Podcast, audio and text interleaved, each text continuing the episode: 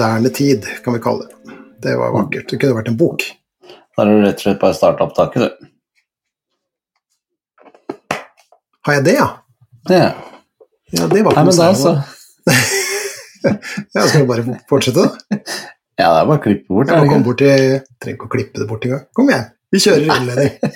Jo, kom igjen, da. Og der var vi i gang endelig igjen med podkasten Gi litt mer faen. The Boss Gas! Endelig er vi i gang, og du verdens land og rike for en pause det har vært. Men det er gode grunner til det, da. Det er det. Ja, vi er såpass rustne at vi at vi Du trykker på record før vi skal, og ja, ja, beklager det. Kom bort til mousepaden her, som det heter på nynorsk. Men eh, sånn er det. Sånn er det. Ja, det er, en, eh, det er en stund siden vi har eh, kjørt en episode. Vi lover å bli flinkere. Vi driver og prøver å snekre sammen eller tilpasse hverandres eh, tidsskjema for tida, sånn at vi i det minste kan komme ut med en episode i hvert fall hver 14. eh, dag. Da. Ja. Fordi at sånn er nå livet, det går opp og ned, hadde jeg nær sagt. og, og vi har mye greier for tida. Du med din jobb, jeg med min jobb, osv. osv. Men du, vi har hatt en lang yeah. sommerferie. Den siste personen vi snakka med, var, eh, var uh, fantastiske Heidi Weng. En Mhm. spesiell hilsen til uh, hun nå på sommeren. Flyr vel rundt på rulleski og sånn antagelig. Um, Det blir litt ekstra rart å følge med på henne i vinter. ja, det, det gjør det, altså. Det skal Ja. sies. Nå er ikke jeg den som flyr ned skal vi kalle det, sofaen for å se på, på sport, men, men uh, hun må vi jo få med oss. Vi må det. Du, vi må, eh, vi må skal si, fortelle litt om hva som har skjedd siden sist og sånt. Og kan vi ikke bare starte med sommerferien? Hva i huleste har du drevet med Tommy Steine? Ja, tidenes deiligste sommerferie, syns jeg. Jeg har ikke hatt ferie. Men eh, Eller jo, hadde jeg Jeg skulle ha en vakt eh, fri, og så hadde jeg to dager der fri, og så tok jeg resten av vakta. Så jeg har hatt uh, på det meste Men jeg jobber jo sånn fantastisk turnus, så jeg har jo Når jeg jobba fire døgn, så har jeg jo én uke fri. Mm. Så, så det var ikke det store behovet for å Nei, nå skal det bli godt med fire uker vekk fra jobben, Mm. Uh, sommerferien. Um, og så solgte vi jo huset og kjøpte nytt og flytting Nei, så det har vært en utrolig hektisk, men fantastisk sommer. Og apropos flytting og sånn, Mm. så befinner du deg nå på et uh, spesielt sted. Kan du fortelle litt? back to the roots, holdt jeg på å si. Uh, nei, nå har jeg jo kjøpt meg eh, et sted på Hurum. Mm. Så nå har jeg flyttet ut hit og restaurerer da denne gamle tidligere bolig som nå har blitt hytte, som skal bli bolig igjen. Mm. Så jeg har eh, bruker jo av hver eneste fridag jeg har til å være her ute og jobbe og, og bygge opp da dette paradisstedet. Og det er jo på Storsand setre på Hurum, og jeg vokste jo opp her på seteret. Mm. Så jeg flyttet jo hit i eh, slutten av første eller begynnelsen av andre klasse. Og bodde jo her eh, til jeg var ferdig med ungdomsskolen, som jo er min utdannelse. Så, så her har jeg vokst opp, og nå er jeg tilbake igjen og syns det er kjempestas. Jeg har allerede truffet masse mennesker som jeg har vokst opp sammen med. Ja, hvordan er det å være tilbake? Helt fantastisk deilig. Jeg tror det er noe som heter 'En flyktning krysser sine spor', eller noe sånt. Du er, du er tilbake til røttene på en måte? Ja, og jeg hadde vel kanskje ikke forventet at Jeg kan kanskje, siden vi, vi er i godlynne og er skravlesjuke og proppfulle av ting vi vil snakke om, så kan jeg kanskje kort nevne også prosessen bak det. Fordi vi bodde jo og bygde oss dette eh, drømmehuset vårt eh, i Nittedal og har hatt eh, fantastisk fire år i Nittedal. Men så ville vår sønn kjøpe seg egen leilighet, så han og kjæresten Vanessa har jo da kjøpt seg leilighet på Lørenskog og flyttet dit. Og så ville min vakre datter Hedda eh, flytte til Gjøvik for å gå på folkeskole, Viken folkeskole der oppe. Så plutselig så sitter jo mor og jeg igjen alene etter huset og tenker at det er litt stort hus, det bare være oss to. Skal vi realisere noen drømmer isteden? Så da la vi ut huset for salg, og så fikk vi solgt det. Og så eh, Linda ville absolutt inn i leilighet, for hun eh, ville ikke ha noe måking og stell i hage, og hun ville ha et enklere liv.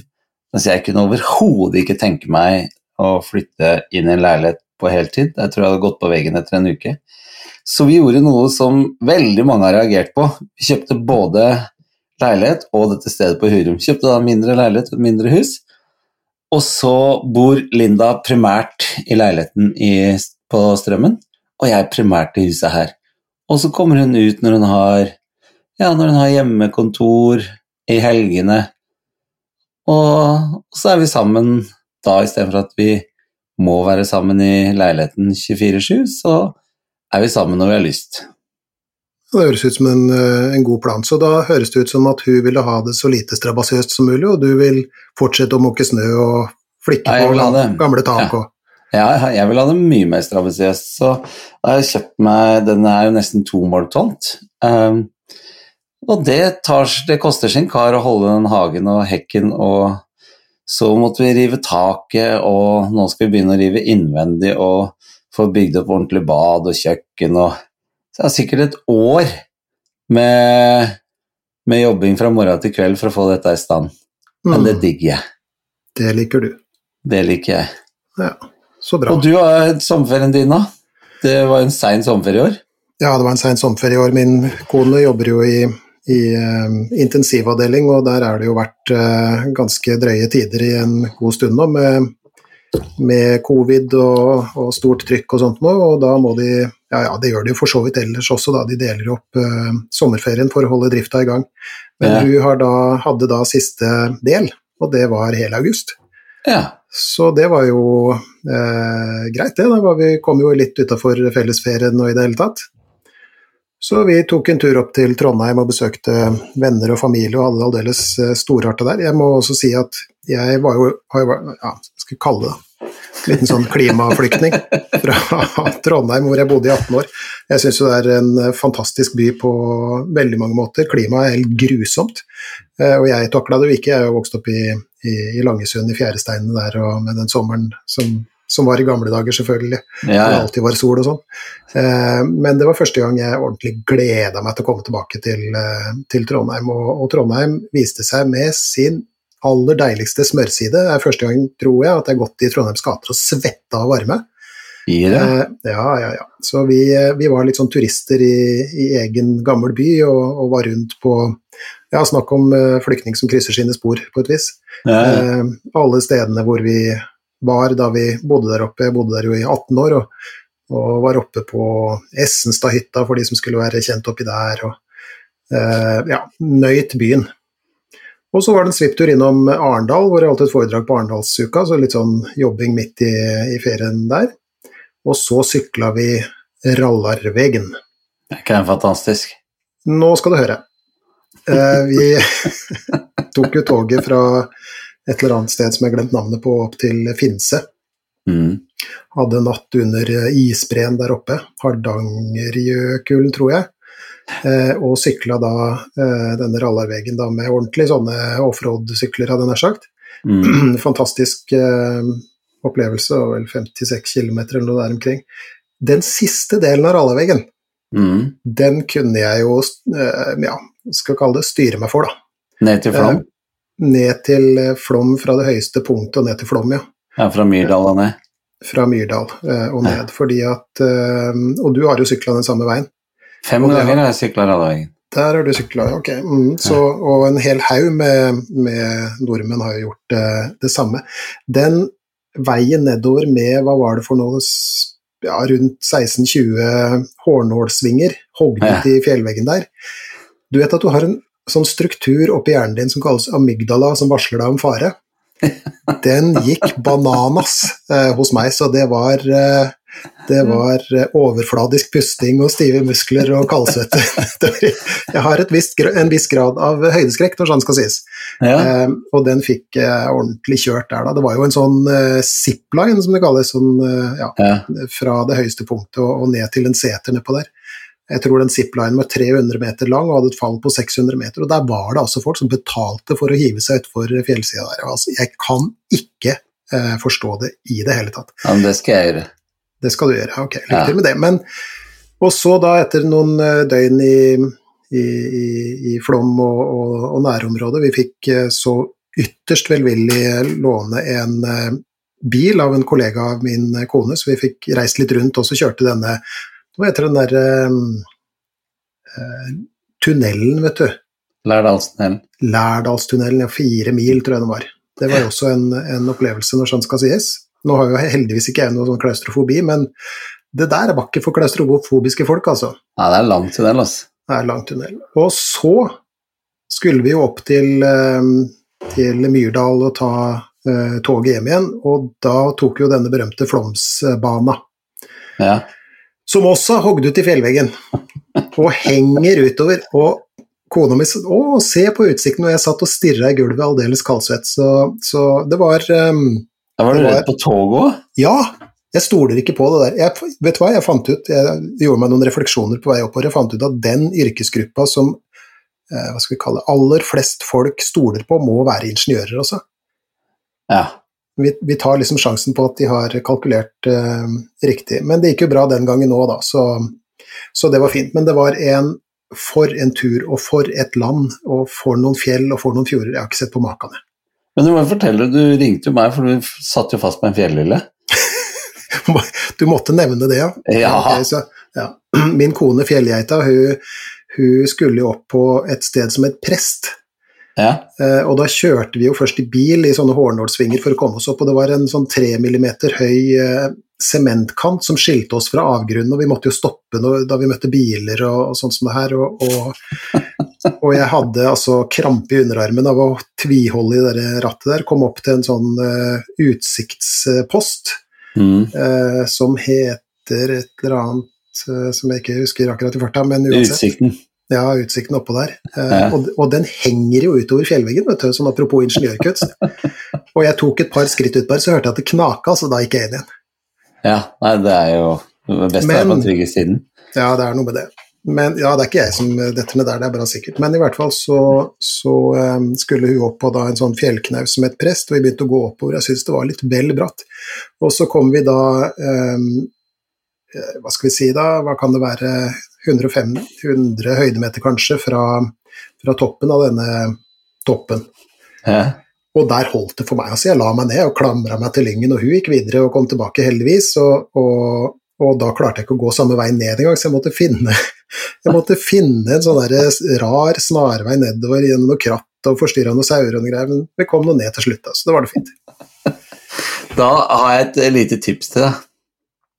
Ikke okay. bli med din kjære kone hvis du skal gå Romsdalseggen. Nei, det har jeg absolutt ikke tenkt å gjøre. Nei. For der har du vært.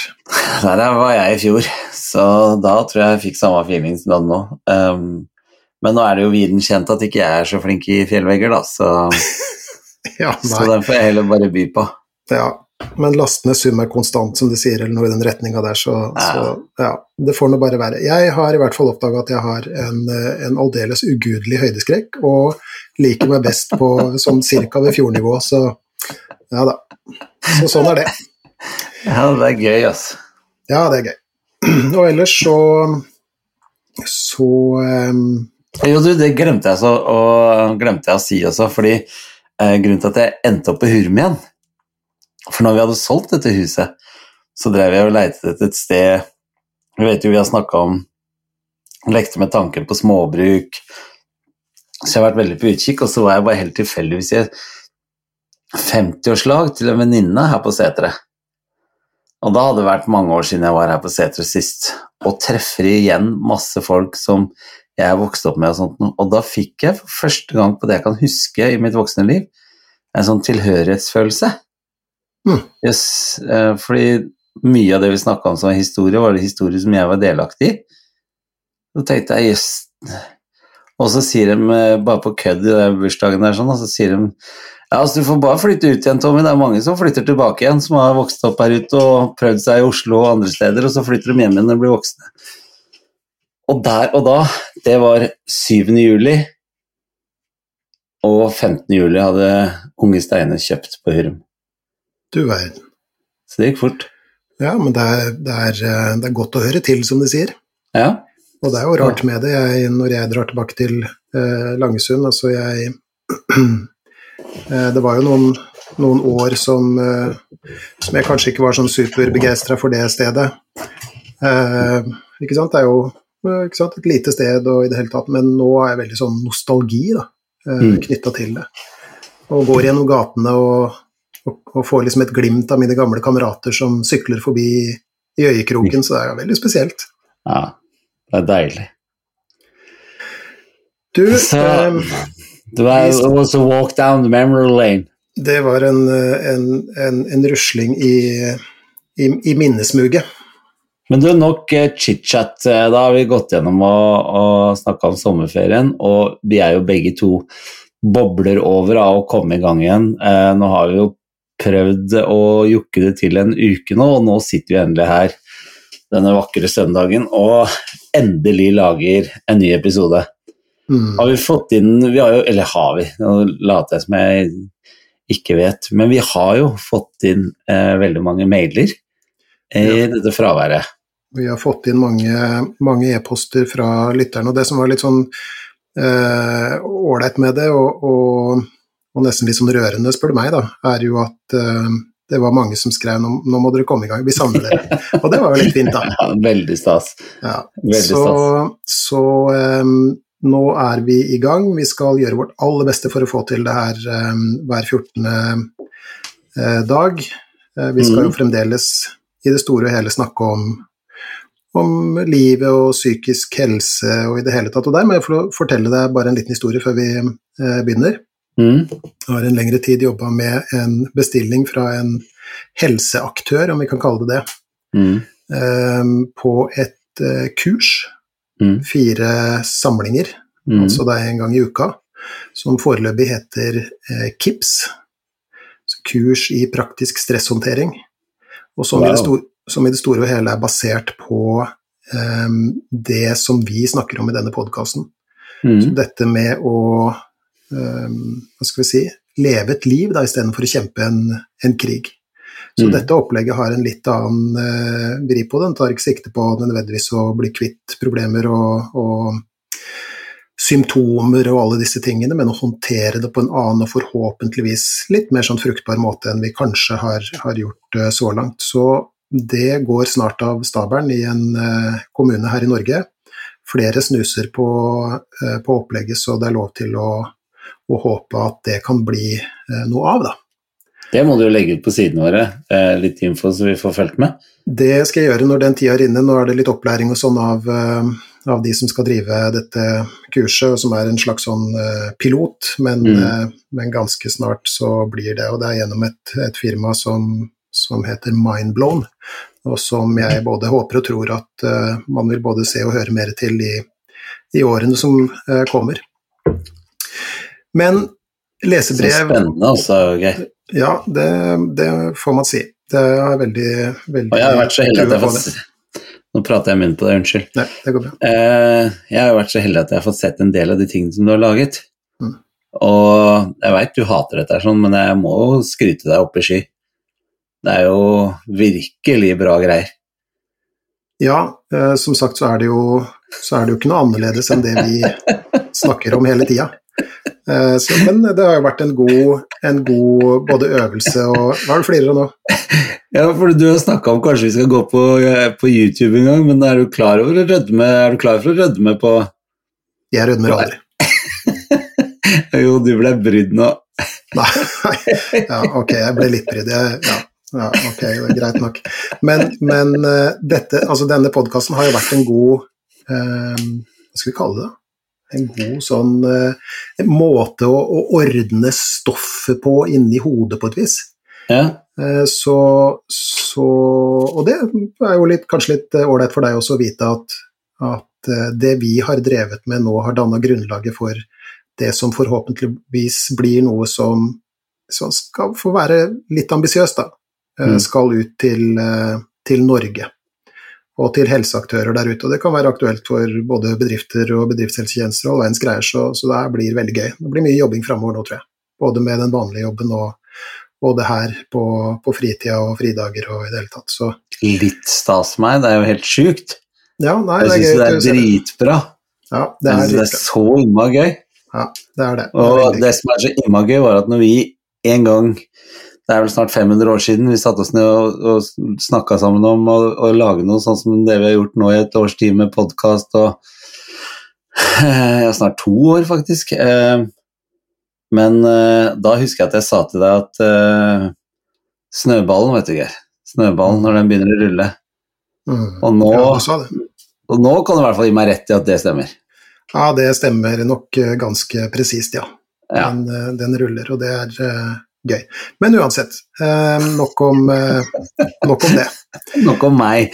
Ja, nok om meg. Det. Tilbake til oss. Eh, Tilbake til oss. Eh, og til lytterne våre, og, og alle e-postene som har kommet, og ja Vi har jo vi Har du noe du vil trekke fram, eller? Ja, hør nå. Ja. Vi har jo hatt ett mål med podkasten, og så har vi hatt et annet mål også. Og jeg tenkte bare jeg skulle liksom eh, gjenoppfriske de målene litt, da. Mm. For det første målet vi hadde, eh, og det var jo det samme målet som jeg hadde når jeg skrev 'Hvordan gi litt mer faen', Mm. eh, så tenkte vi at når vi starter denne podkasten, hvis det hjelper én person der ute, så er målet nådd.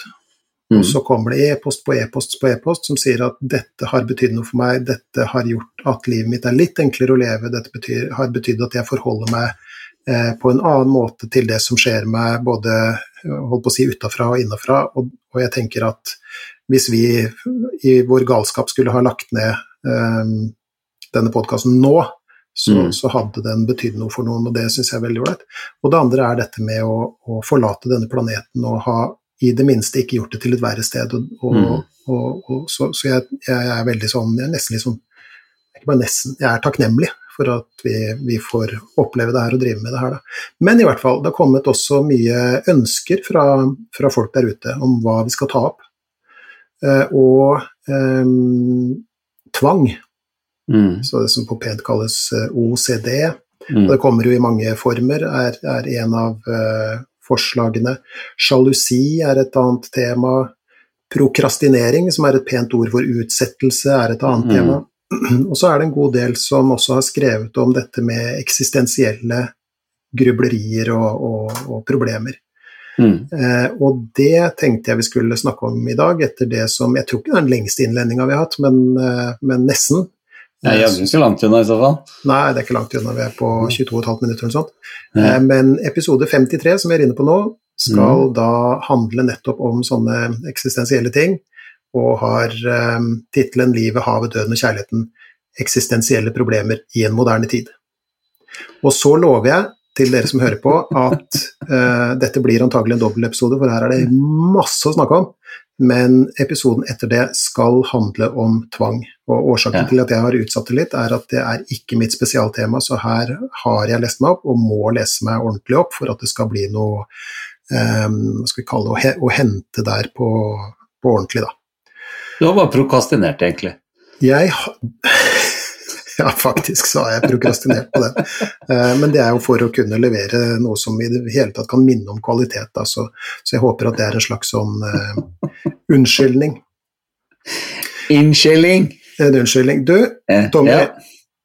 ja, hvis jeg jeg er spent. Ja, nå, nå er du nok det. Uh, Mm. Hvis jeg uh, sier dette med eksistensiell angst og eksistensielle problemer, hva Mm. tenker du da? Eh, At det er vanskelig ord. Det er et vanskelig ord, ja. Eller ikke vanskelig, men det er et stort Mm. eh, Litt sånn eh, Hvem er jeg, hva gjør jeg, hvorfor? Mm. Jeg syns av og til det er litt sånn eh, Jeg syns noen ganger at jeg syns det er litt ekkelt. Ok, hvordan da?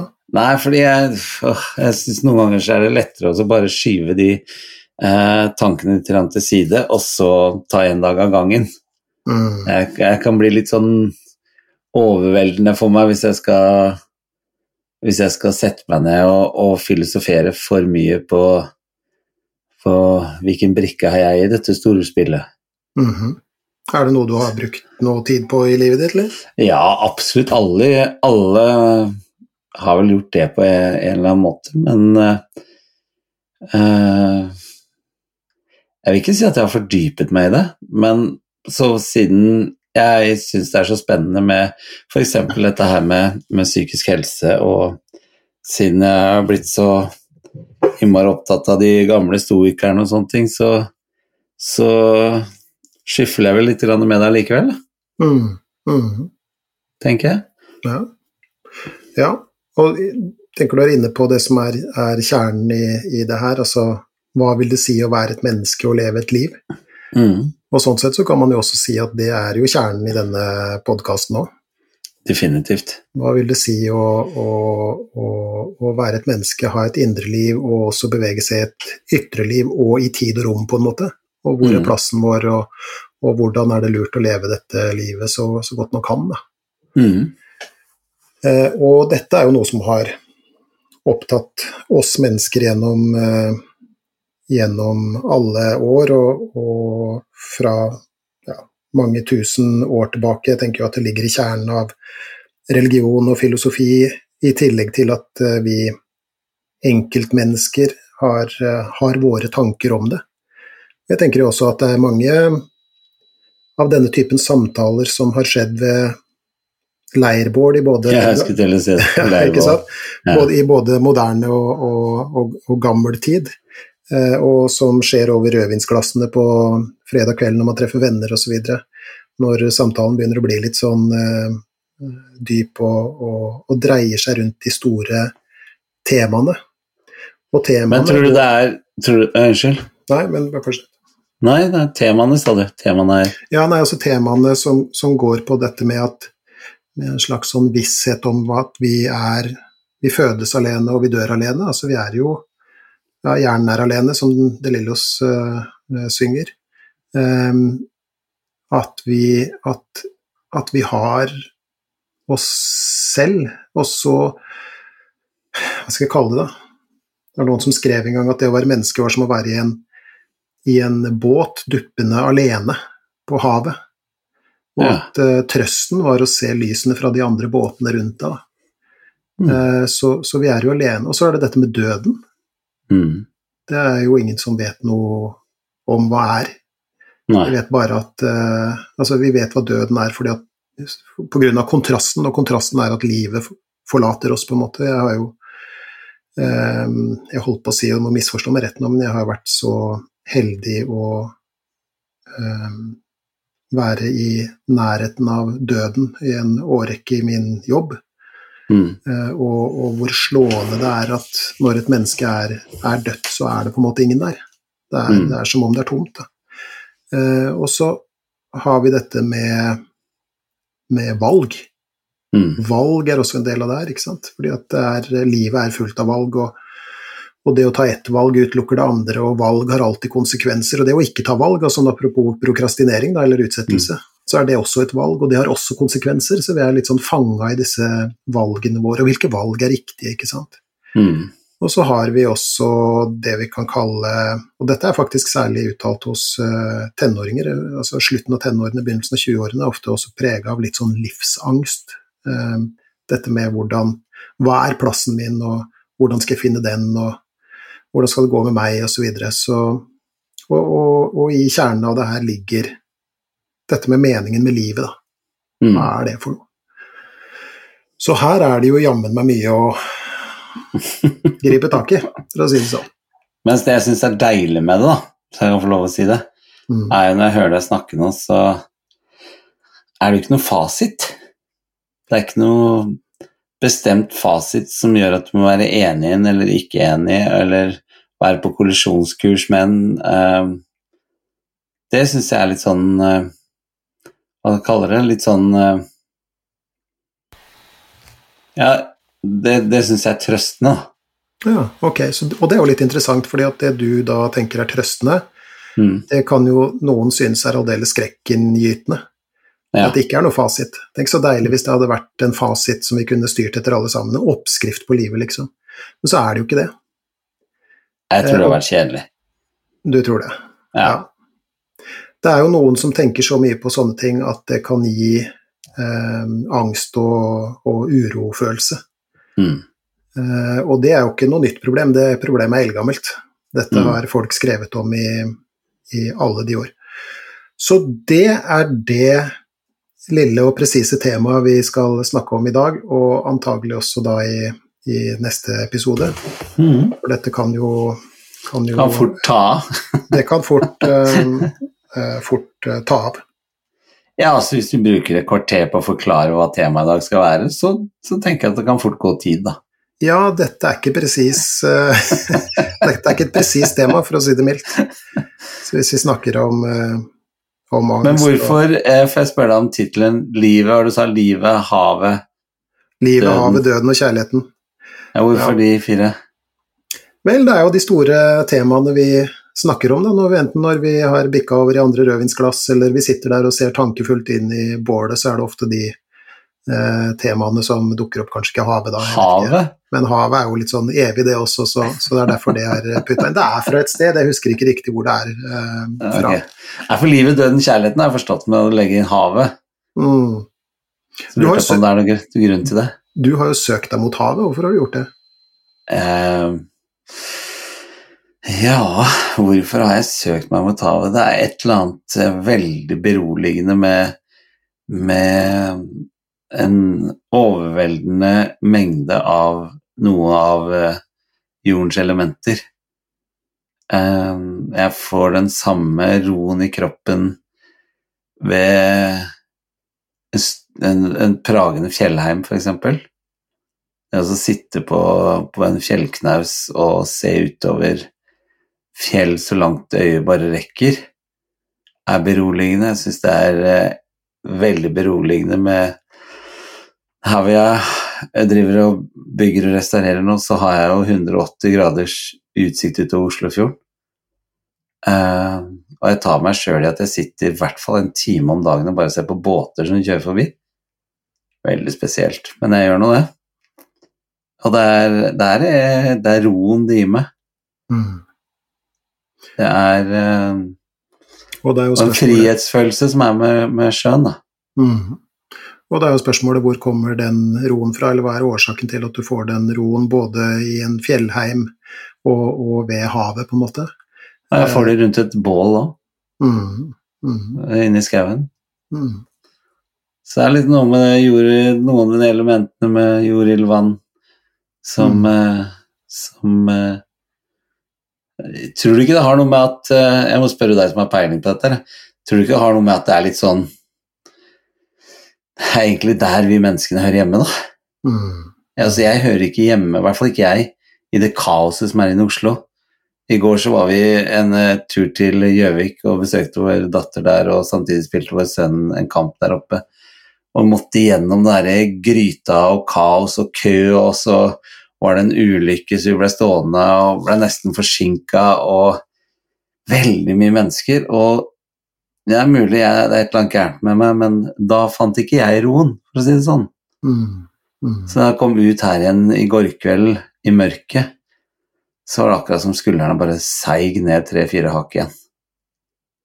Jeg Mm. tror jeg Vet ikke, det er noe sånn back to nature, eller et eller annet med kroppen får ro når du finner tilbake til de enkle, ekte elementene som jo omgir oss. Ja, det er, jo, det er jo påfallende hvordan selv eh, ihuga byfolk blir stille og tankefulle når de sitter ved et bål, f.eks. Mm. Eh, Det er ikke uten grunn at vi trekker opp til hytta på fjellet eller ved sjøen hvis vi er så heldige å ha sånt. Eh, Folk sier at de sover bedre ute, de sier at, de, at maten smaker bedre når den spises utendørs. Mm. Eh, Og det er jo som om vi er uh, lagd for det. Har du kjøpt deg en litt ubehagelig stol? Ja. Eller jeg har jo ikke noe kontor ennå, så jeg sitter inne på soverommet som ikke er eh, begynt å pusse opp på en, på en spisestuestol. Ikke sant, ja. Og- Det blir, det blir litt knirking, med andre ord. Ja, for det, ja, og det tror jeg faktisk ikke var stolen engang, det tror jeg er ryggen. Du hørte knirkingen. Jeg er jo ikke en topptrent atlet, veit du. Det er, det er en stor kropp som skal sitte lenge rolig. Ja, det er noe med det. Så jeg beklager den lyden. Ja, det går bra. Det går bra. Har du, har du fått med det der arkitekturopprøret? Ja, du snakka noe om til meg om det en gang, husker jeg. Fordi at, altså, og det her er det jo selvfølgelig delte meninger om, og det finnes de som eh, sikkert får lavere skuldre i byen også, for sånn sett så er vi jo lagd forskjellig, men, men det virker jo som om de fleste da Tror du det? mm, Ja, Tror du det? Tror du det er noen som finner roen i kaoset i Oslo sentrum? Ja, jeg tror det. Jeg tror det. Wow. Men, men det er nok antagelig ikke eh, flertallet, tror jeg da. Men i hvert fall tilbake til dette arkitekturopprøret, så For det har vært en periode eh, hvor jeg har tenkt at, at byene våre også blir stadig mer og mer sånn fremmede på den måten at vi er omgitt av Kall det unaturlige elementer. Da. Betong, eh, glass, stål. Alt er til forskjell fra naturen i, i, eh, i skarpe linjer og ja, ja. Mm. Dette Munch-museet er ikke akkurat så skarpe linjer, da. det ser ut som det er i ferd med å dette sammen, men, men du skjønner hva jeg mener. Og at eh, og så kommer da dette arkitekturopprøret i, i superfart og har faktisk spredd seg over, eh, over flere land. Eh, I hvert fall i Europa, etter hva jeg har vært i stand til å, å få med meg.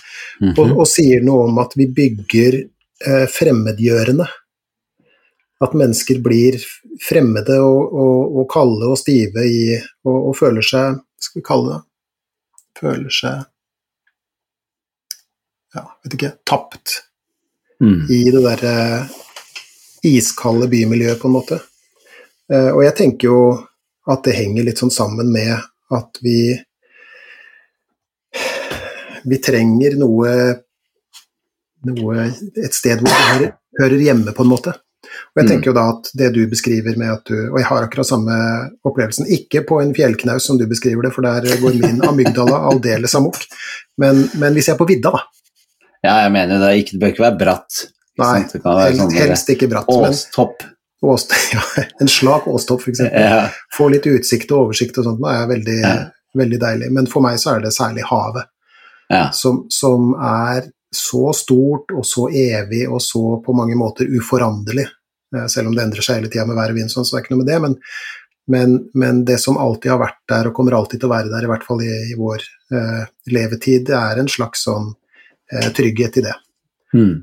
Og så synger jo De Lillos at, eh, om dette havet og hvor truende det virker akkurat i den sangen som heter 'Hjernen er alene'. Så, så det er nok forskjellige si, oppfatninger av det. Men, men jeg tenker at, at eh, de, det inviterer oss til å reflektere over ja, livet, havet, døden og kjærligheten på et vis. Og hvis vi skal begynne med temaet, og der er jo ikke for å Hva skal vi se, sette deg på På en eh, pidestall. Nei, eller hive deg under bussen eller et eller annet sånt som det der. Men, Ja. men det med døden har jo vært noe av et eh, tema i livet ditt også, har det ikke det? Jo. Jeg er ikke så veldig glad i den, altså. Du er ikke, er ikke det? Nei. Nei. nei. Jeg, eh, jeg er blitt flinkere, syns jeg. Eller jeg vet du hater ordet 'flinkere', så derfor skal jeg bytte ut ordet med Jeg øver mer nå enn jeg har gjort før eh, på å være frisk til jeg blir sjuk, og leve til jeg dør. Mm. Mm. Men eh, jeg, har, jeg har ikke noe Jeg har hatt eh, For mange år tilbake så hadde jeg litt sånn dødsangst, tror jeg. Det var sikkert eh, den tiden du snakker om hvor man har livsangst eller dødsangst. Eh, men jeg er nok eh, ikke Jeg er nok ikke fortrolig Eller altså, hva skal jeg si Jeg har ikke noe lyst til eh, Jeg har ikke noe lyst til å dø ennå. Jeg har lyst til å få med meg mye mer, og jeg syns det er fantastisk eh, herlig å leve til tider. Eh, så så jeg syns ikke den døden skal inntreffe før eh, Ja, jeg har sagt alt etter 85 år er bonus. Eh, men eh, nå hadde jeg syntes det vært eh, Ja, da hadde jeg sikkert ikke hatt noen mulighet til å registrere det, men eh, skjønner du hva jeg mener? Mm. Eh, men jeg øver meg på å ikke være så innmari redd for det. Mm. Fordi ved å gå og være for mye redd for å bli sjuk og dø, så, så forpurrer jeg litt den, den tiden fram til det skjer. Mm. Mm. Ja, ok, så for å bare sjekke om jeg har Om jeg har forstått det rett, da, så så det å gå rundt og være redd for døden fratar livet et, et aspekt. Ja, definitivt. Men tror du at, at døden kan liksom Altså tanken på døden, da. Mm. Tror du at den kan berike livet på noen måte? Eh, ja, nå husker jeg ikke det latinske begrepet du sier alle filosofene, gamle greske filosofene bruker, men det er uh, Husk at du er dødelig. Memento mori. Memento mori var det. Um, Ja, hva, ligger, i- hva, ja, hva, ligger, hva ligger i det? Hva ligger i det begrepet? Nei, i- sånn, jeg vet ikke hva som ligger i det, jeg kan bare si jeg, hvordan jeg tolker det. Mm. Men jeg tolker det at eh, eh, Husk at du skal dø en gang, så derfor pass på å leve. Mm. Mm. Sånn, det er sånn jeg tolker det. Mm. Ja, det sies jo at, eh, at eh, de, de romerske keiserne og krigsherrene da, kom hjem til Roma sant, etter et vellykka eh, felttog på sine hestevogner, på en måte. Eh, så sto det da en, en slave bak dem og holdt en laurbærkrans, et tegn på seier, eh, over hodet på dem, mens de da eh, paraderte gjennom eh, Forum Romanum, bl.a. altså selve senteret i, i det romerske imperiet. Eh, men samtidig som de ble hylla av, eh, av menneskemassene, og samtidig som de fikk holdt denne laurbærkransen over hodet, så sto denne slaven og hvisket 'memento mori'. Husk at du skal dø, men husk at du er dødelig. Du er ikke noe Mm. gud. Uh, og jeg må jo altså En av de første tankene som slår inn i hodet mitt, og det blir jo interessant å høre hva du uh, tenker om det, er jo dette med uh, kjendiser. Mm. Dette å søke en slags sånn status. Og jeg, jeg kan bare forestille Én ting er at liksom, hvis mora di sier at du er en fantastisk person, og sånn som det er, så ja, ja. ikke sant? Og hvis vennene dine sier det, og, og hvis eh, liksom 30-40 personer sier det, så begynner du nesten å, å tro på det, kanskje. Men hvis du står foran et publikum, et stadion, eller for ikke å snakke om en menneskemasse som f.eks. presidenter og sånt noe gjør, og de blir hylla, og, og folk roper og holder plakater med navnet ditt og sånt noe, så tenker jeg at det kan være greit å Eller at det kan være lett å bli liksom full av seg sjøl, da. Mm. Uh, og kanskje skulle alle disse hatt en person som sto bak og, og hviska 'husk at du er dødelig'. Mm. Det hadde ikke vært lurt, det. Eller om jeg ikke husker at du er dødelig, så eh, husk å ha kontakt med bakken, liksom. Ikke glem bakkekontakten. Mhm. Hva, var det, dette er et superledende spørsmål, men, men du, Ja, har jo vært midt i, du har jo vært midt i kjendisgryta i, i, i mange, mange år. Mm.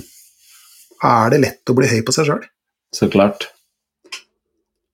Det er uh, Den som sier noe annet, tror jeg lyver. Mm. Um, det er uh, Vi har jo snakka det om vi, vi var vel inne på det når vi hadde Heidi Weng også. Men det er så klart uh,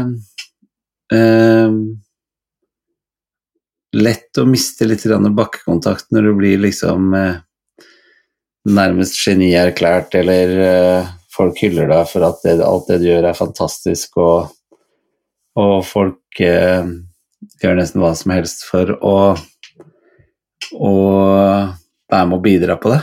Mm. Så tenkte jeg, jeg tok Jeg nekter ikke for at det var et par-tre år der jeg ikke helt hadde bakkekontakt. Mm. Uh, men heldigvis så har jeg Hva, hva sa du? Gjorde det noe med det? Altså endra Ja, det er jo ikke bra. din. Ja, klart det gjør det. Det er ikke bra. Det er ikke bra i hele tatt. Mm. Eh, eller, eh, det skal jeg ta tilbake og si, det er en bra greie hvis du klarer å våkne opp uten at det, det har gått altfor lang tid før du våkner opp. Og, Så- og, i, og i våkner opp, hva, hva, hva legger du i og det? innser at uh, du er akkurat som alle andre. Mm. Det er ikke noe unikt ved deg fordi det er én ting du gjør som svært få andre mennesker gjør. Mm. Eh, Sånn sett så er vi alle eh, unike på, på mange områder, men det har jo lett for å bli at vi som står på en scene får uforholdsmessig mye hyllest, da, fordi det er Mm. så svært få andre som enten tør eller eh, makter å, å, gjøre det samme. Og når du da Det er jo samme som jeg tenker på kirurger eller stjerneadvokater eller jagerpiloter eller eh, høytstående politikere. Altså alle de områdene som, som de færreste får oppleve, så tenker man at eh, wow, det må være en spesiell person til for å klare det. Men jeg er heldigvis blitt såpass voksen at jeg ser at jeg er jo i beste fall eh, som de andre mm. rundt meg. Mm. Så ja, det, det høres ut som jeg er sånn over ydmyk og sånn, men uh, det er jeg ikke. Det, jeg er uh, fryktelig opptatt av å være vanlig. Mm. Ja, men det, det var jeg ikke for uh, eh, 30 år siden. Nei, ikke sant. Og jeg tenker jo at det er jo ikke uten grunn at du har tatt de livsvalgene du har tatt heller. Nei. Å trekke deg mer tilbake og, og søke et vanlig liv og nå søker du jo til og med det strabasiøse livet ut på, ut på Uru. Ja. Reine storgarn hvor det må både måke snø og holde på. Så ja, ja, ok. Nei, for jeg tenker, altså, Vi skal forlate kjendistemaet, så det var ikke det som var eh, hovedtemaet. Vi snakker om døden, men, men, men, jeg tenker jo av og til at det kan, for å bli litt sånn eh, eh, dypere og, og, og, nesten litt sånn spekulerende på temaet, da, men det er jo det vi skal gjøre i disse episodene nå. Men, men jeg, jeg tenker jo av og til om uh, kjendistilværelsen. For, altså for når du ser Hæ, Ok, så i går så, Ok, så en, en, kort historie lang, da, på en måte. Så mm. hadde sønnen min noen kompiser på noe øl og sånn i, i, går kveld. Jeg trakk meg tilbake til dette lille kontoret hvor jeg sitter og snakker med deg nå, mm. uh, og så på litt film, Netflix og bla, bla, bla. Og så så jeg da en, en gammel film med Robert De Niro og noe Eh, folk. Eh, superbra film, jeg hadde ikke sett den på mange år. Der dukka det opp ei eh, dame som jeg ikke har sett på mange år, en dame som heter Minnie Driver. Mm. Husker du hun? Ja. Good Will Hunting og alle disse greiene. Ja, ja. hun var jo stor på 90-tallet. Og så tenkte jeg søttan, jeg har ikke sett Minnie Driver på mange år, så jeg måtte stoppe filmen og google hvor er Minnie Driver nå. Og det viser seg at Minnie Driver hun er jo engelsk i utgangspunktet, men hun har da antagelig da tjent masse penger på disse filmene sine, og sånt, men hun har da kjøpt seg en, en hestegård i mm. California. Uh, og der driver hun med hestene sine, da, naturlig nok, og, og litt sånn uh, surfing og sånt noe. Uh, og hun hadde da fått spørsmål fra noen journalister om hvorfor har du ikke liksom fortsatt å søke stjernestatusen og de store filmene. Hun har spilt i noen sånne indie-filmer, som de kaller det. Sånne små, små filmer eh, lagd av ukjente regissører og med lite budsjett og sånt noe. Ja. Eh, men det hun da hadde svart på det spørsmålet, var at det livet var ikke noe for hun. Altså dette stjernelivet og røde løpere og sånt noe. Da. Og hvis man da ser på hvor mange kjendiser det er som henfaller til eh, narkotika og alkohol, havner i trøbbel osv., så, videre, så kan man jo begynne å mm. lure på eh, om det å søke ikke den type anerkjennelse er en slags sånn derre ja, En ting er jo håpet om å bli elska, en annen ting er liksom det der med å, å være litt sånn udødelig. Mm. Og få et navn som lever evig, på en måte. Mens, men selv vakre, unge filmstjerner som hylles i både hodet og, og, og bakenden, blir jo gamle. Ja. Og får rynker og, og så videre og så videre. Så, så, så det høres ikke ut til å være noe særlig Eh, å hente deg likevel. Da. Og det er mange som har hatt en bitter erfaring med å bruke mange år på å komme fram til det, det Hva skal vi kalle det? Den, den erkjennelsen. Jeg husker en stund jeg var veldig opptatt av å være herregud, eh, tenk den dagen jeg dør, og så blir jeg helt glemt. Eh, det ville være grusomt, så jeg må fortsette å gjøre ting som folk husker i Men nå så er det eneste som er viktig for meg, er at den dagen jeg legger meg ned i pennalet, så eh, er det som du sier, så har jeg vært med på å bidra til at jorda vår er et bitte lite hakk bedre enn når jeg kom, mm. og at, eh, at, jeg har eh, ført videre til mine barn og min familie noe som gjør at de vil huske meg til de dør. Mm. Utover det så er det ikke noe om, om, 30 år, hvis det er ingen som husker at Tommy Steine var uh, standup-komiker, så er det ikke noe gris i det hele tatt. Mm. Tvert imot. Det er uh, Det er uh, Nei, det er ikke noe viktig for meg i det hele tatt. Så det er ikke noe sånn udødelighet Eh, men det var kanskje det i begynnelsen, når det var sånn streven etter å bli kjendis og og, og det var det jo en stund. Det var jo det eneste jeg tenkte på en stund, var jo å få et navn, sånn at jeg kunne gjøre de tingene som jeg hadde lyst til å gjøre. Mm.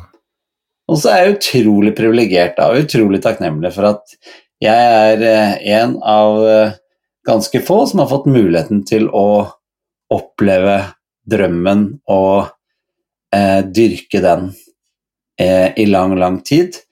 Men så tenker jeg det er en tid for alt, og det er ikke viktig for meg å, å nå kunne lansere de store showene og reise rundt og bli hyllet og klappet til, Mm. som det var eh, før. Sånn sett så kom pandemien egentlig litt som en sånn Jeg tror det var litt sånn signal fra universet til meg om at ok, da har du gjort det til nå, og så kan du gjøre noe annet herfra. Mm. Og så lar du andre krefter ta over. Så da har du tatt noen, noen livsvalg. Ja, jeg har ikke sånn at jeg aldri skal på scenen. Jeg gjør litt sånn småting og sånn ved, scenen, ved siden av nå, men det er ikke viktig for meg at det er bare det jeg skal gjøre. Mm. Mm. Så jeg syns jo det som du som vi har begynt på, liksom, syns jeg er vel så spennende som å reise rundt og få folk til å le. Mm. Mye mer spennende, faktisk. Hvis vi kan reise litt rundt, eller hvis vi kan lage podkast, eller hvis vi kan lage kurser og foredrager som, som er med å bidra til at, at noen folk eh, blir flinkere til å mestre ting som de ikke syns er greit. Da. Mm. Det syns jeg er en mye større gave, da. Ja, det holder jeg veldig eh, med deg i. Og jeg tenker jo at Ok, så, ja, sånn apropos døden, da. Ja. Eh, Det er noe som heter Håvamål, vet du, den høyes tale. Det er Mm. jo skal vi kalle det da, livsregler for vikinger. Mm. Eh, og der eh, er det et eh, vers som Altså, jeg har alltid tenkt på døden. Mm. For jeg var bitte liten. Det er nesten så jeg kan huske Selvfølgelig er jo ikke det her riktig, altså, for dette er et eldgammelt minne, men, men hodet mitt har i hvert fall fått det til at dette er et sånn presist minne, da. Men jeg vet at det ikke Mm. er det. Men greit nok, vi, vi behandler det som et presist minne. Mm. Jeg kan huske type sånn Det var type sånn seks-sju år. Og så på satt og så, Jeg satt i sofaen hjemme, og så satt jeg og så på underarmen min. Og, så, og da slo tanken meg at en dag skal denne underarmen ligge i en kiste.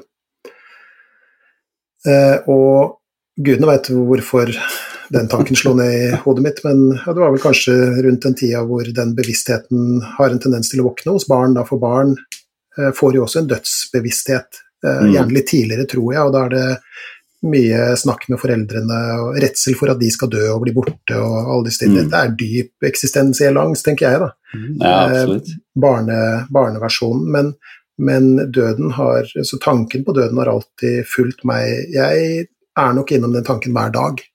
Ja. Særlig når jeg står i dusjen av en eller annen grunn, så kan du analysere den, men, men, eh, men eh, jeg, jeg tenker mye på det. Eh, Og ikke på den måten at det går utover måten jeg fungerer på, og at jeg får det fælt og sånn, det er ikke noe med det, men, men, men døden er, er tilstedeværende på en måte i min bevissthet. Da. Og det ble nok ikke noe mindre av den bevisstheten da jeg jobba med det jeg jobba med, i akuttmottak og intensivavdeling. Så, så mennesker døde, og så mennesker døde, og, og sånt noe. Og, uh, så så det, det ligger veldig sånn uh, i, i meg, på en måte. Og, og det er derfor jeg spør, eller stiller spørsmålet Altså, gir døden livet mening? Fordi at Så kontrasten til døden er jo livet. Mm. Eh, og jeg tenker at hvis vi visste Dette er mine sånn filosoferinger rundt det, da. Jeg Mm. tenker jo at eh, hvis vi visste at vi var udødelige, at vi skulle leve til evig tid, så er jeg ikke så sikker på om vi hadde hatt den samme eh, driften i oss, en slags sånn livsdrift, da, til å eh, formere oss, til å lære Jeg greier ikke å kvitte meg med tanken på at det er en slags sånn eksamen i enden. Jeg vet ikke. Det er, det er, det er som om det er at det er viktig å lære i løpet av, Mm. av det livet her. på en måte. Da snakker jeg ikke om boklig visdom og utdannelse, er ikke det jeg snakker om, men det å lære om, om livet og om andre mennesker og om hvordan vi forholder oss til alt vi opplever osv. Det, det ligger veldig sånn øh, eh, Skal kalle det Ligger dypt i meg, da.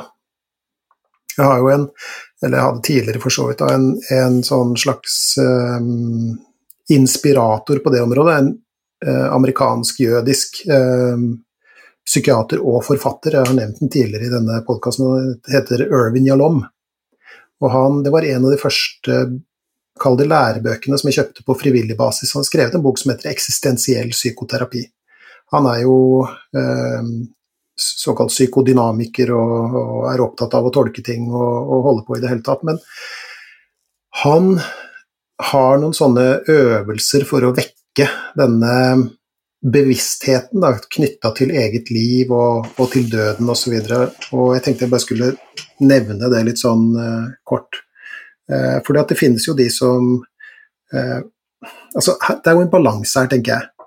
Mm. Fordi at du hvis du tenker for mye på det her på den måten at det nettopp går utover fungeringa di og, og ja, misforstå, meg lett, misforstå meg rett når jeg sier det her, men kall det livsgleden din, på en måte, da. Ikke sant? Eller kall det fungeringa, da.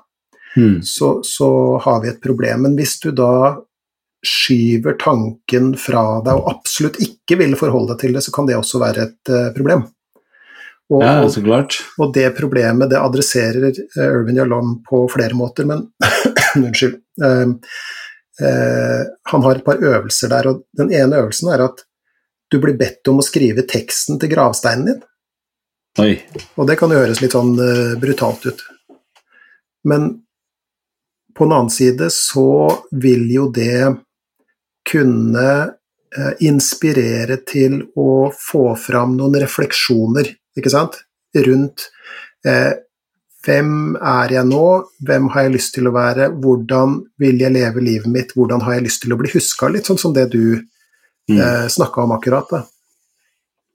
Eh, og, og, det da å formulere denne ha, skrift, skriften på, på, på, din egen gravstein er en slags sånn øvelse der. Nå hoppa jeg over dette med, med Håvamål.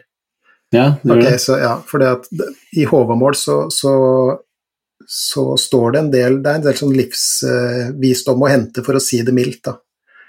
Eh, og en av versene som jeg festa meg veldig til nettopp fordi at jeg alltid har hatt den der dødsbevisstheten på en måte i meg, er at det er et vers som Og det er mulig at jeg radbrekker det nå, men jeg, jeg tar sjansen på det. Og det, det går sånn.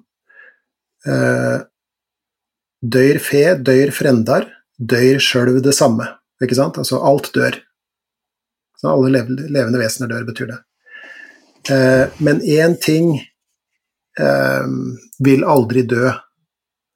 Vindu eit gjetord gjevt, altså det vil da si at hvis folk snakker pent om deg etter at du er død, så er du på en måte ikke død. Det vil aldri dø, da. Det er kanskje der noe av de kjendisgreiene ligger også, tenker jeg. Men, men, det spørs hvilket nivå du velger å legge deg på, ikke sant. Mm. Fordi at det var noen som sa en gang at du er ikke død før noen sier navnet ditt for siste gang. Nei. Eh, og det å bli snakka om kanskje i generasjoner i familien, da, som liksom en bra kar. Mm. Hel ved og kjernekar og Eller en kjernedame, hvis det er noe som heter det. ikke sant? Altså en, en bra person, uavhengig av, av kjønn osv., selvfølgelig. Men eh, at det er det som er det man bør strebe etter, eh, sier Håvamål, da. Ja. Og det er jo mye av det som går igjen i litteraturen for øvrig også, ikke sant. Er ikke det en gammel vits eh, med det med gravstein, når du ser der eh, Jeg mener jeg har hørt det. Hva som står på hypokondere med helseangst sin gravstein. Hva var det jeg sa? Ja. fikk, fikk, rett til slutt. Det, det, får vi jo alle. Eh, en av mine Jo, for å vende tilbake til, uh, til Jalom, han, han sier også at du skal sette opp en strek, en linje, slags sånn tidslinje, da, hvor, den, eh, hvor eh, si, venstre side er når du blir født, mm. Eh, og høyre side selvfølgelig når du dør. Og så skal du merke av på linja hvor du er nå. Og da er det jo ja. i henhold til alder, for ingen kjenner dagen osv., så, videre, så det er jo greit nok. Nei. Og det er også en slags refleksjon over hvor mye tid du har igjen, ja. og hva du ønsker å bruke den tida til. Og det er ikke uten grunn at f.eks. For da forfattere og kunstnere osv. øker produktiviteten sin i siste del av livet. Ja. For det er, det, er, så liten tid igjen, og det er så mye som skal f.eks. For da formidles og, og sånt noe. Så da må bøkene ut, og da må maleriene males, og da må forestillingene skrives osv. Så, videre. så aldri så galt at det ikke er eh, eh godt for noe. Og så er det dette, en, den siste øvelsen som handler om å skrive sin egen nekrolog. Ja, for det var det jeg skulle si, det må jo være enda vanskeligere. Å skrive sin egen nekrolog? Ja. Ja, tror du det? Ja. Jeg tror det. Det er i hvert fall enda vondere. Ja, absolutt. Og dette er vondt. Altså, ja. eksistensielle tanker er, er vonde. Men poenget er at Og det er jo dette som igjen da har vært og er gjennomgangstonen i denne podkasten, at det blir ingen vekst uten smerte. Nei. Smerte er, er nødvendig for vekst. Det er selve gjødselen for vekst. Ja. Og det da skulle skrive sin egen nekrolog vil være smertefullt, fordi at du bringer deg selv så nærme døden. Og ikke bare det, men du reflekterer over ditt eget liv. Men det som er det fine med denne nekrologen også, er jo at du ennå ikke er dau. Ja, ikke sant. Ikke sant? Så det er jo en stor fordel. Du må nesten være ikke død for å skrive din egen nekrolog, da. Og det vil da si at en del av denne nekrologen vil være en slags sånn fri fantasi knytta til hva du ønsker å oppnå uh, i, i, den delen av livet ditt som er igjen, da. Så det er ikke og det er mer enn en tredjedel som er igjen? Ja, det er lov å håpe. Ikke sant? Ja, og så kan man jo få et pengeskap i hodet i, jo, jo, men... i, i morgen, men det, det, er det jo ingen som vet. Og dette er jo Heldigvis. Men, dette er jo menneskets eh, hva skal vi si, store, store problem, at vi, at vi, ikke vet det. Døden er de levendes problem, var det en fyr som sa, en som heter Søren Kirkegård, og som vi skal snakke mer om. Eh, men jeg tror jeg har fortalt det her før, men det er verdt å gjenta. Da jeg var student i Trondheim, så Det var på den tida det var verdt å holde aviser, av, den nær sagt. Så jeg fikk noe sånn studenttilbud på Adresseavisa. Og en av de tingene uh, som uh, jeg fant litt sånn um, Nei, det er kanskje ikke riktig å si glede av, men, men i hvert fall hadde interesse for, da, var å lese nekrologer. Og det som etter kort tid ble uh, Hva er det du flirer av nå? Nei, det er litt spesielt. Ja ja, ok, greit nok, men så får jeg være spesiell, da. Det er, det er helt i orden. Det er ingen som kommer til å bestride det. Nei, neppe. Men, men, det som ble eh, tydeligere og tydeligere ettersom tida gikk, og jeg leste alle disse nekrologene, eh, det er nesten litt Kanskje er det et tap at vi ikke Det er jo veldig få av oss som holder papiraviser, som ser dødsannonser, leser minneord, heter det jo nå, ikke sant? Ja. Ikke nekrologer. Minneord. Eh, kanskje er det et tap? Kanskje er dette enda en måte å, å trekke døden unna livene våre på. Da. Det er veldig få, jeg håper i hvert fall det er veldig få som klikker seg inn på dødsannonsene i, på nettdelen liksom bare for å eh, lese dem, men kanskje, kanskje burde Det er mye minneord i med sosiale medier, da. Ja, det er det for så vidt Facebook og sånt. Ja. ja, ja det. Så det lever videre på én måte. Mm. Men, men, det som Vet du forresten at i England så er det en annen kultur for nekrologer? Ja. Der kan du skrive ganske sånn kvasse nekrologer om den som er død. Oi. Få fram både ulemper og fordeler. Liksom, her har vi jo en tendens til å hva skal vi si, skryte dem litt opp i skyene og, og, og helgengjøre dem, men, men, ingen som dør er helgener. Alle er mennesker, ikke sant? Med sine gode og dårlige sider og sånn. Men hva er, skal man tjent med å slenge dritt etter at sånn er død? Jeg vet ikke, det, er, det, ser ut til å være en del av, av, av, kulturen. He was a right old bastard, kan de skrive, ikke sant? Sta, nei, det... sta som juling og ja, Nei, det var ikke bare fine greier med han. Og, og det er jo en sånn ærlighet i det som jeg liker veldig godt. da. Men i hvert fall, tilbake til nekrologen i Adresseavisa på begynnelsen av 90-tallet. Mm. Det som ganske fort ble, eller utkrystalliserte seg som et slags sånn mønster, var at nekrologene, eller minneordene i Adresseavisa, kunne kategoriseres i to. Ja. Og den ene kategorien eh, handla da om at denne personen hadde eh, gjort det skarpt i yrkeslivet. Han eh, var direktør i Norsk Hydro sånn og sånn, satt på stortid sånn, så- eller kanskje ikke så voldsomt, da, men ikke sant, altså, skjønner hva jeg mener. Mm. Eh, drev sitt firma, bla, bla, og all verdens greier. Og, og, og hvil i fred, hilsen kollegene.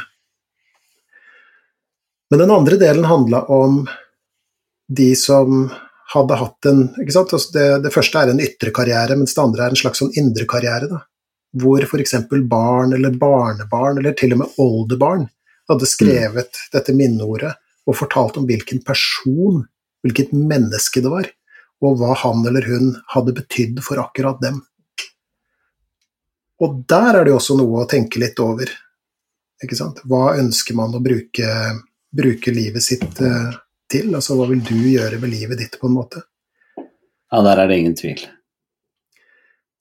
Og jeg vet ikke hva du tenker om det her, eh, men det er jo lett å tenke at døden Altså jf. det at vi skjuler litt sånn dødsannonser, så nå har det også forsvunnet litt for oss, ikke sant. Eh, Minneordene, greit, du, du ser at folk av og til dør på Facebook og sånt, men, men, men det ser ut som at, at døden også forsvinner litt fra oss i hverdagen, da. Mm. Eh, I gamle dager så kunne man f.eks. ha mor og far boende i kårstue, ikke sant, Mm. nederst på gården, og til slutt ble de gamle og, og, og døde, og, og de ble liggende på likstrå Mm. i et par dager i finstua, ikke sant, hvor alle vinduene var slått opp for å gjøre rommet kjølig, ikke sant, og, og man stoppa klokkene, og, og naboer kom med mat, og i det hele tatt, ikke sant. Eller til noe annet, litt mer sånn tilforlatelig, altså dette med at man bevegde seg mer i naturen, og så døden der også. Ikke bare vekster, men, men dyr, eller man slakta dyr på gården. Den grisen som man kanskje begynte å få et eh, forhold til, og så kom eh, slakteren og, og heiv den opp på slakte, hva heter det, kjelka eller et eller annet greier, og, ikke sant? Og, og du, du, du, du spiste denne grisen utover vinteren og våren, sånn at døden var en naturlig del av livet, mens vi ser ut til å ha institusjonalisert døden på veldig mange måter. Da. Vi har nå en større tendens enn før til å dø i institusjoner og på sykehus osv. Ja. Det, skjer, det skjer bak gardiner, og, og så ringer vi til noen som da kommer og henter den som er død, og ordner alt før vi da liksom, holdt på å si, ser igjen, eh, eller, eller møter døden igjen i kirka i en begravelse, f.eks. Og det er ikke Det kan Jeg vet ikke, men, men det kan tenkes at vi går glipp av av noe viktig der, da. Mm. Et naturlig forhold til det. et naturlig forhold til det. Munker vet du, i, gamle dager, i klostre og sånt, og der var det ofte eh, eh, hodeskaller etter døde munker, altså plassert rundt i, i klostre osv. Og, så og det var nettopp det der memento mori, altså husk at dette er en forbigående tilstand, da, dette livet. Mm. Det, er, det, er, det, det vil ikke vare evig, og det må du huske på fordi at det er viktig. Altså det, de mente at det lå en, en verdi i det, mens vi skyr det og, og, og holder oss, eh, holder oss eh, unna. Mm. Og, og, og har gjort det til noe litt mer sånn tabuprega, da. Ja, men det er jo i pakt med veldig mye, føler jeg, samfunnet. Vi skal jo for enhver pris Og det må jo vi som foreldre ta på vår kappe også. Vi skal jo sørge for at eh, Eller vi prøver å sørge for at eh, barna våre, de neste generasjonene, har minst mulig ubehag. Mm. Og døden er jo ubehagelig, så hvis man kan holde seg unna og tabifisere det, hvis det går an å bruke det som et ord, så Mm. slipper man å forholde seg til det, tror man, Mm. og dermed slipper det ubehaget. Mm.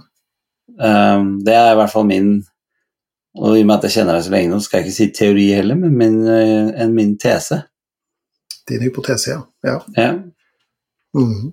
Nå er det ikke prøvd ut i fagskrift akkurat den påstanden der, så jeg skal bare kalle det en hypotese. Men jeg, men jeg tror det er en del av det. Um, det er nesten blitt en sånn Jeg skal ikke si folkesykdom, men det er nesten blitt en sånn greie at eh, hvis vi klarer å flykte fra ubehag, så er det nesten ikke grenser for hva slags virkemidler vi tar i bruk for å slippe å oppleve ubehag. Mm. Eh, vel uvitende om at prisen for det alltid dobler seg. Hva, hva legger du i det?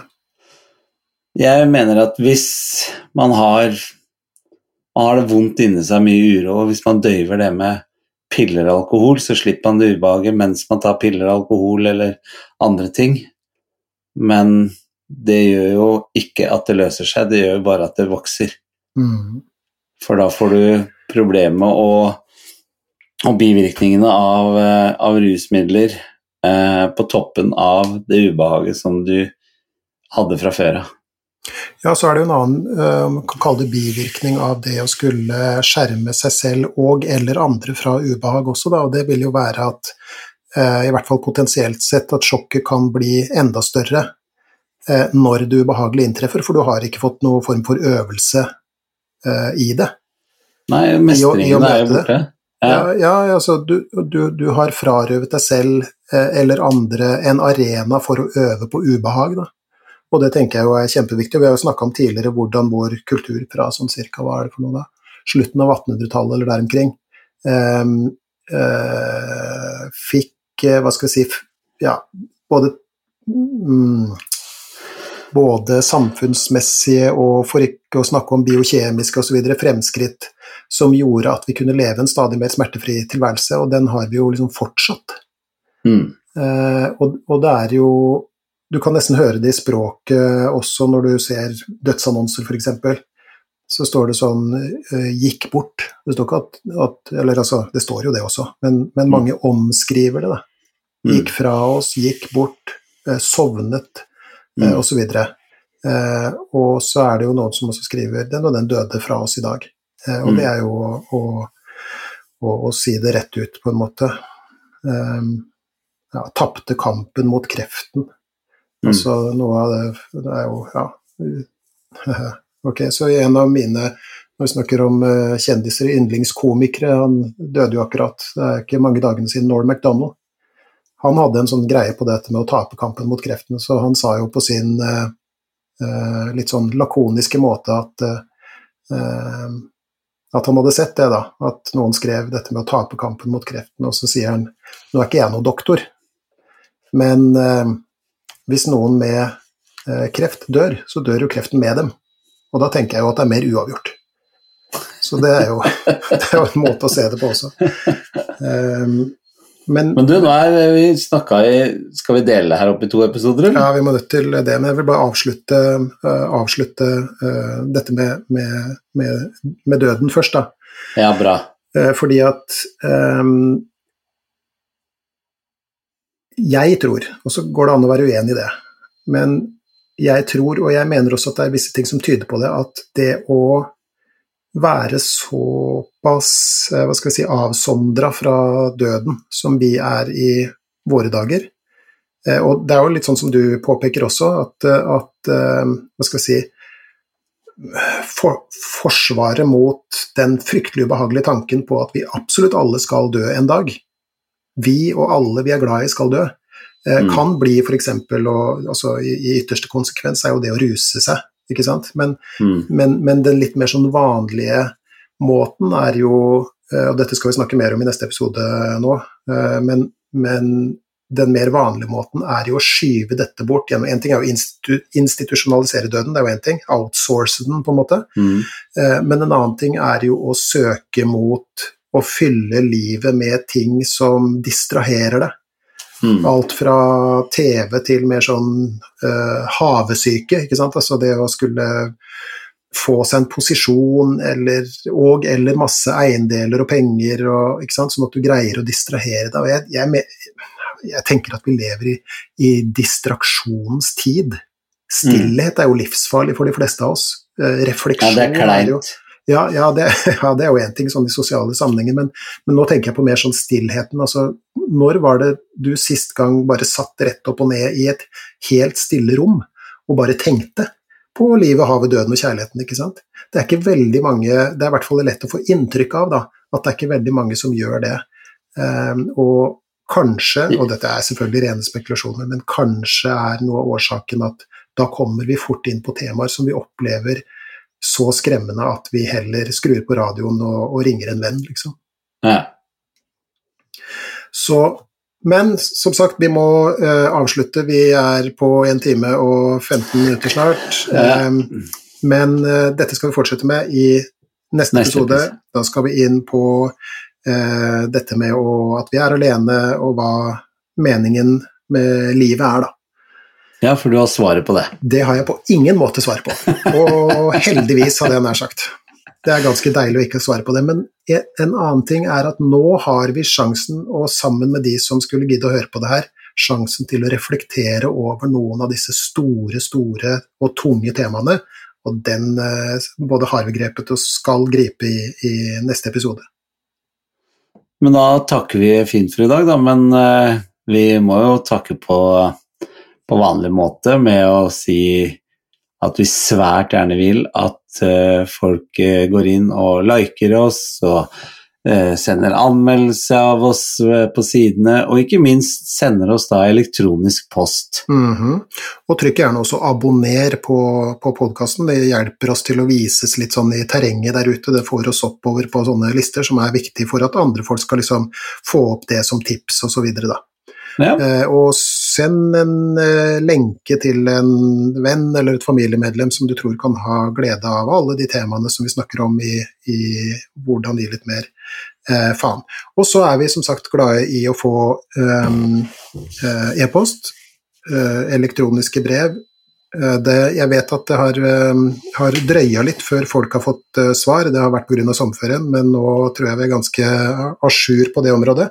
Men send oss gjerne en e-post, og det kan være med ris og ros og forslag til temaer og generelle betraktninger om ting, til gi litt mer f at gmail.com. Gi litt mer f i ett ord. Krullull. Krullull. Krullull. Som er en, eh, en helt etablert måte å si krøllalfa på. Ja, det Mm. i hvert fall nå er det etablert. Nå er det etablert. Men takk for i dag, Dager. Du, veldig fint å eh, prate med deg igjen, selv om det ble noe av en enetale for, eh, for min del, for det her er et tema som du jo skjønner at jeg brenner for og er opptatt av. Men eh, vi ses igjen om en ukes tid. Det gjør vi. Yes, ha det. Ha det.